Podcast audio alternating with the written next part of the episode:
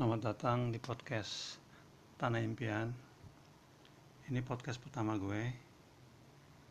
Uh, untuk pertama ini gue coba temanya dengan rumput rumah gue lebih bagus daripada rumput tetangga. Nah, sebelum bicarain apa maksud gue, mungkin sedikit perkenalan lah supaya lo tahu latar belakang gue sedikit. Gue orang biasa-biasa aja.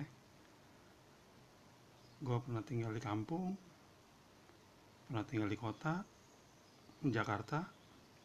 Juga waktu gue di Eropa gue pernah tinggal di kampung di Berlin bekas Berlin Timur.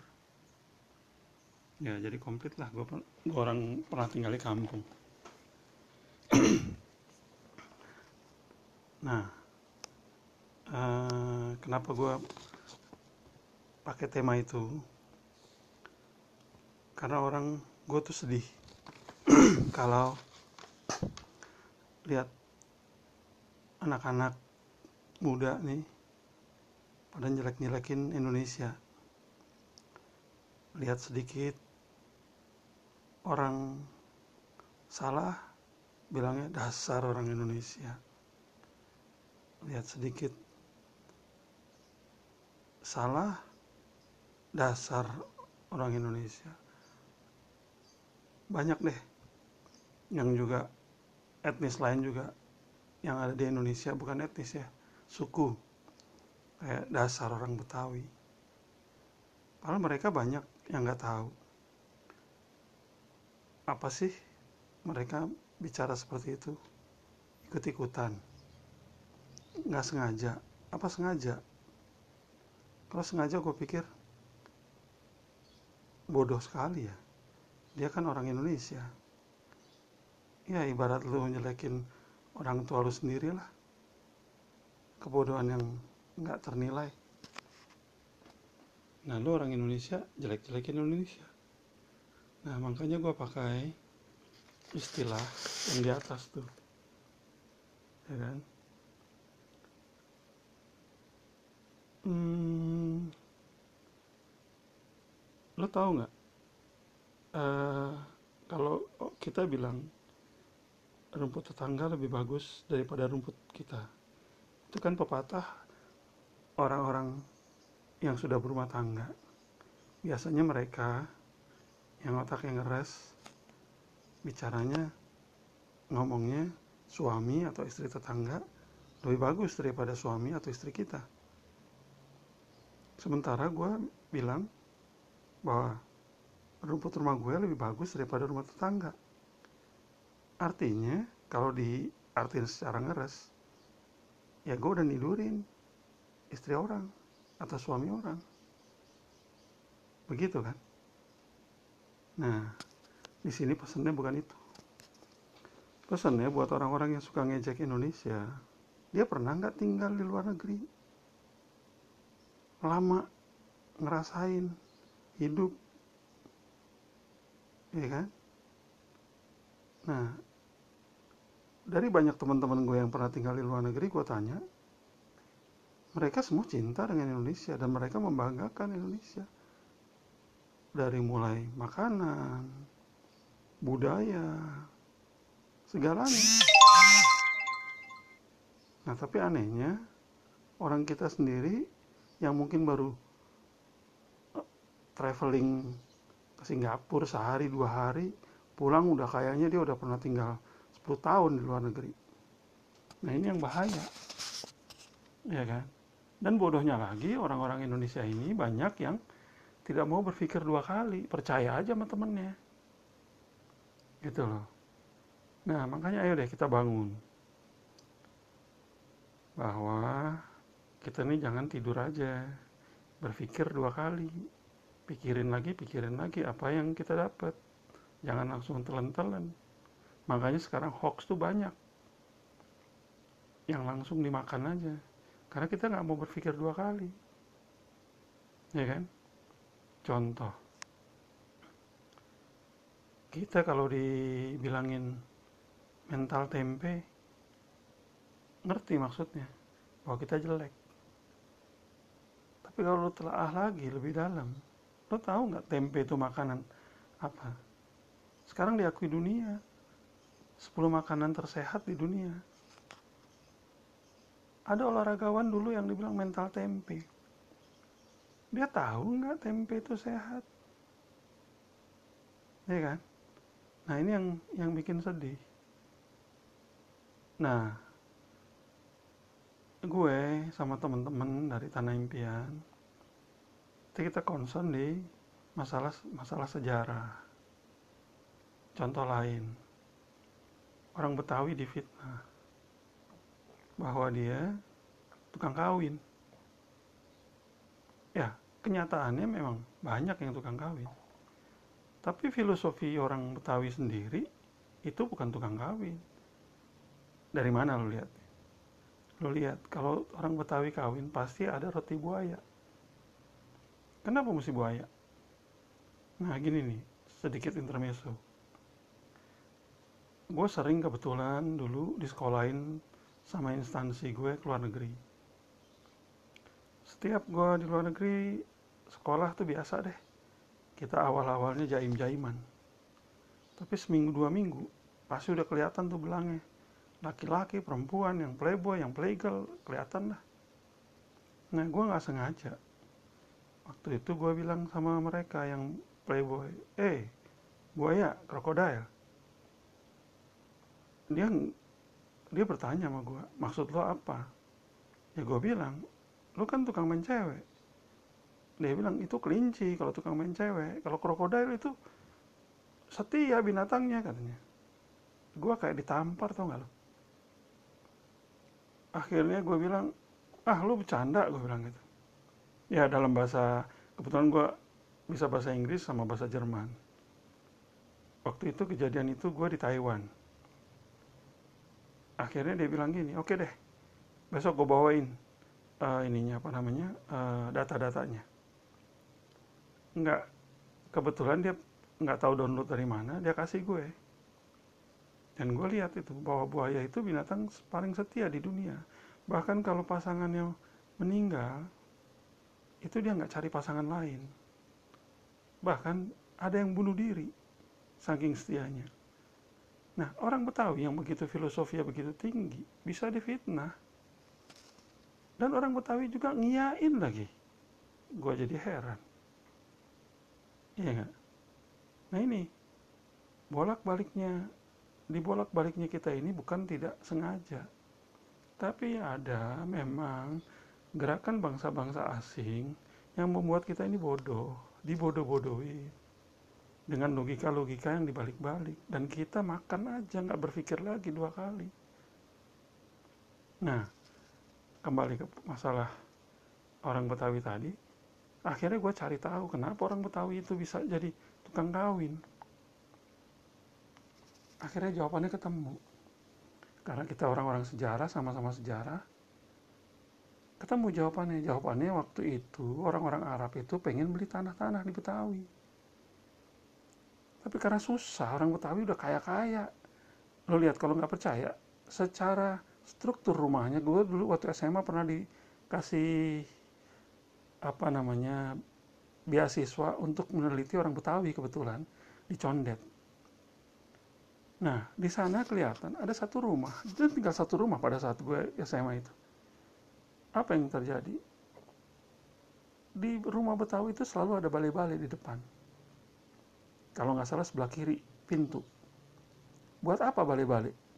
Balai-balai itu buat orang Betawi, buat duduk leleh-leleh kalau orang Jawa, sambil lihat sawahnya yang luas. Dia nggak perlu kerja lagi, dia udah kaya. Nah, si Arab-Arab ini bagaimana caranya untuk beli tanah dia? Dia ojok-ojokin lah kawin. Akhirnya pada kawin. Dia jual tanah murah. Yang lain ngikutin.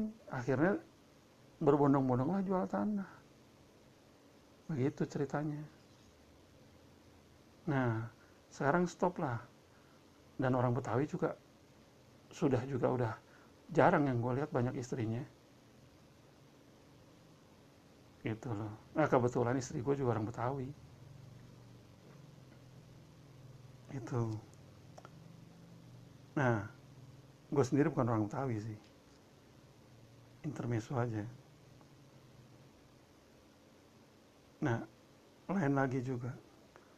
Kembali ke jengkol. Ya kan? Jengkol dihina-hina makanan itu makanan kampung makanan macam-macam. Tapi satu saat gue sama teman-teman nemuin ternyata jengkol itu ampuh buat obat diabetes. Mulai deh teman-teman nama gue semua promosiin tuh. Daripada lo beli obat diabetes lo makannya jengkol.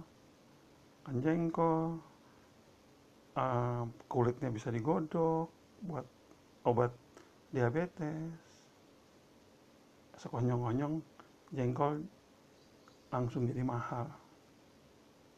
Nah kenapa jengkol dibodoh-bodohin? Supaya pabrik-pabrik obat itu belinya gampang karena buat diekstrak. Ya kan? Nah sekarang jengkol sudah mahal. Ya pabrik obat kesel lah. Ini mau nggak tahu deh masih beli jengkol atau enggak buat ekstrak obatnya dia. Nah juga semua itu yang dibodoh dijelek-jelekin pasti ada alasannya. Contoh lagi kemenyan.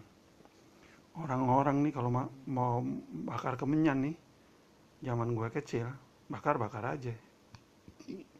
Ini belakangan ada dibilang inilah dibilang itulah.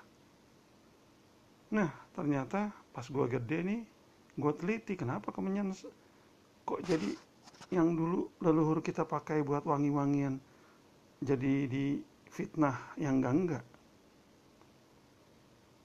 nah lu coba deh lihat deh di departemen perdagangan tuh.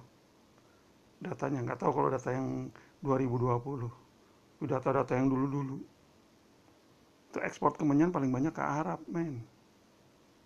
Ya nah terus kita yang yang bodoh-bodohin kita orang Arab juga Nah, kita nggak boleh pakai kemenyan karena dia mau beli murah. Jadi itu alasannya. Coba lu ke Arab. Di sana semua pakai wangi-wangian. Wangi-wangian apa? Iya kemenyan. Gitu loh. Jadi banyak sekali fitnah-fitnah, pemelintiran yang kita dibodoh-bodohin. Jangan mau. Nah, akhirnya satu-satunya jalan ya kita harus bangun. Harus lihat siapa sih kita nih sebetulnya? Bangsa apa sih kita nih sebetulnya? Ya nah di situ gua sama teman-teman bangun tuh. Terbangun bukannya bangun. Bangun lihat. Oh ternyata kita nih sudah terperosok jauh. Gimana cara berangkatnya? Ya kita gali sejarah kita kita lurusin sejarah kita Gila men. Begitu gue tahu sama teman-teman sejarah kita. Yang benar ya, bukan yang dipelintir-pelintir. Itu benar-benar kagum. Ya. Kita lagi proses semua di beberapa website yang kita jalanin. Salah satunya kalau sobat mau lihat, searchingnya di Google, googling perpustakaan Tanah Impian. Keywordnya itu aja. Nah lihat itu sejarah deh. Pasti teman-teman pasti geleng-geleng kepala. Ya kan? Gimana hebatnya leluhur kita? Nah jadi jangan pernah lagi jelek-jelekin Indonesia. Apalagi jelek-jelekin dibandingin sama negara-negara lain yang lu nggak pernah ke sana, lu nggak pernah tinggal di sana, cuman katanya-katanya ngapain coba? Cuman ikut-ikutan orang biar dikira keren biar dikira milenial biar dikira, dikira apalah. Terserah lupa deh. Ya kan? Nah. Jadi coba deh. Kita kembali lagi. Sadar bahwa kita nih pernah jadi bangsa yang besar. Diacak-acaknya cuman karena kita ini orangnya ewuh pekewuh.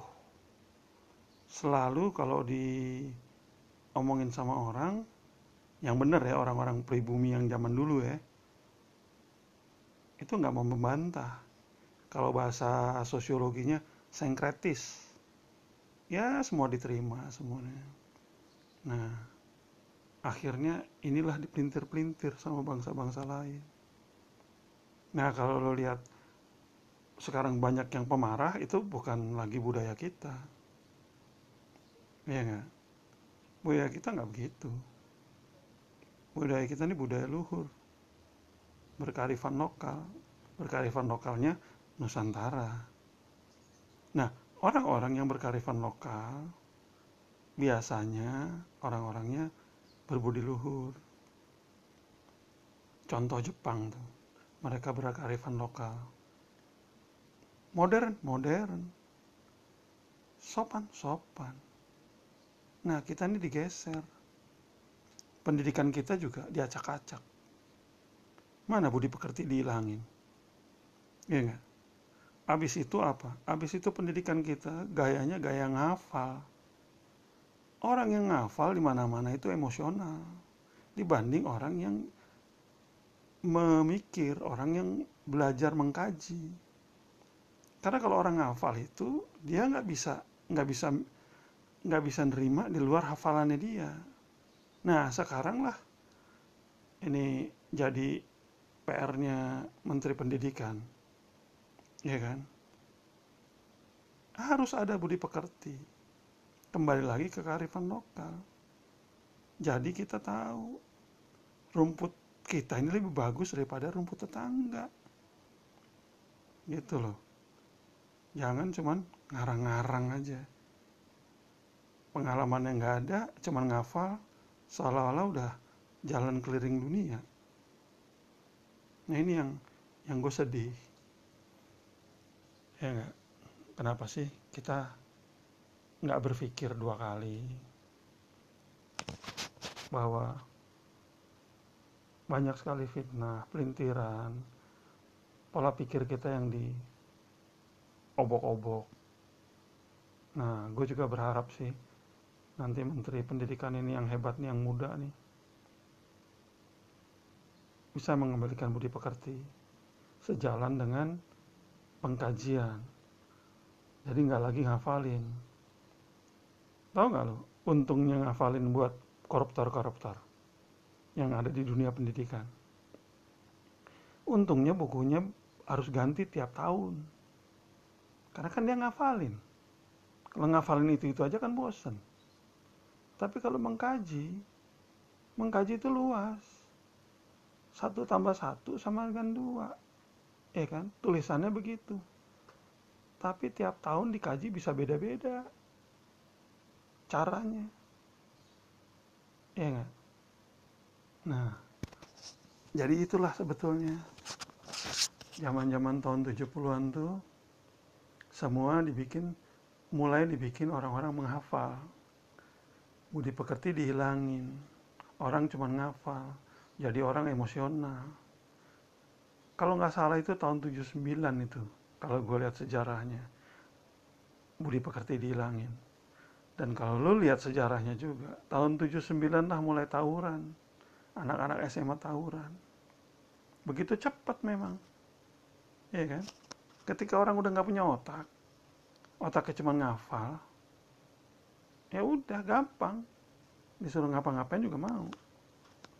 Tapi kalau lu punya otak diajak tawuran lu kaji dulu kan? Oh ini betul nggak nih? Gue harus berantem nggak ya ah, enggak dong. Dia kan teman gue juga. Ya. tapi kalau orang hafalan menghafal nih lagu sekolah lu nih sekolah lu yang terhebat harus dibela sampai mati. Nah dia juga nyanyi tuh sekolahnya dia sekolahnya dia yang terhebat harus diga, dibela sampai mati.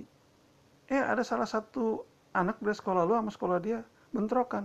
Nah lu bela sampai mati karena lu ngafal. Iya nah ini keluar deh dari pemikiran-pemikiran hafalan iya kan ya gue berharap sih ini menteri yang sekarang nih bisa melihat bahwa rumput kita lebih bagus daripada rumput tetangga. Kalau gue sih yakin dia bisa, karena dia, dia pernah lama tinggal di luar negeri. Jadi dia juga sama sama gue. Lihat rumput gue dari luar, gitu loh. Artinya gue lihat Indonesia dari luar. Wah, lo kalau pernah tinggal di luar negeri lihat Indonesia, kayak surga. Iya Tapi kalau lo lihat Indonesia dari Indonesia, terus katanya, terus lo ngafal, ya udah deh, blunder otak lo. Iya Nah, oke okay deh. Karena ini podcast pertama gue, uh, mungkin gue sampai sini dulu. Mungkin nanti kalau ada waktu lagi, ada tema yang baru lagi, gue coba berpodcast ria. Oke, salam kenal. Mudah-mudahan omongan gue ada manfaatnya. Oke, ciao ciao.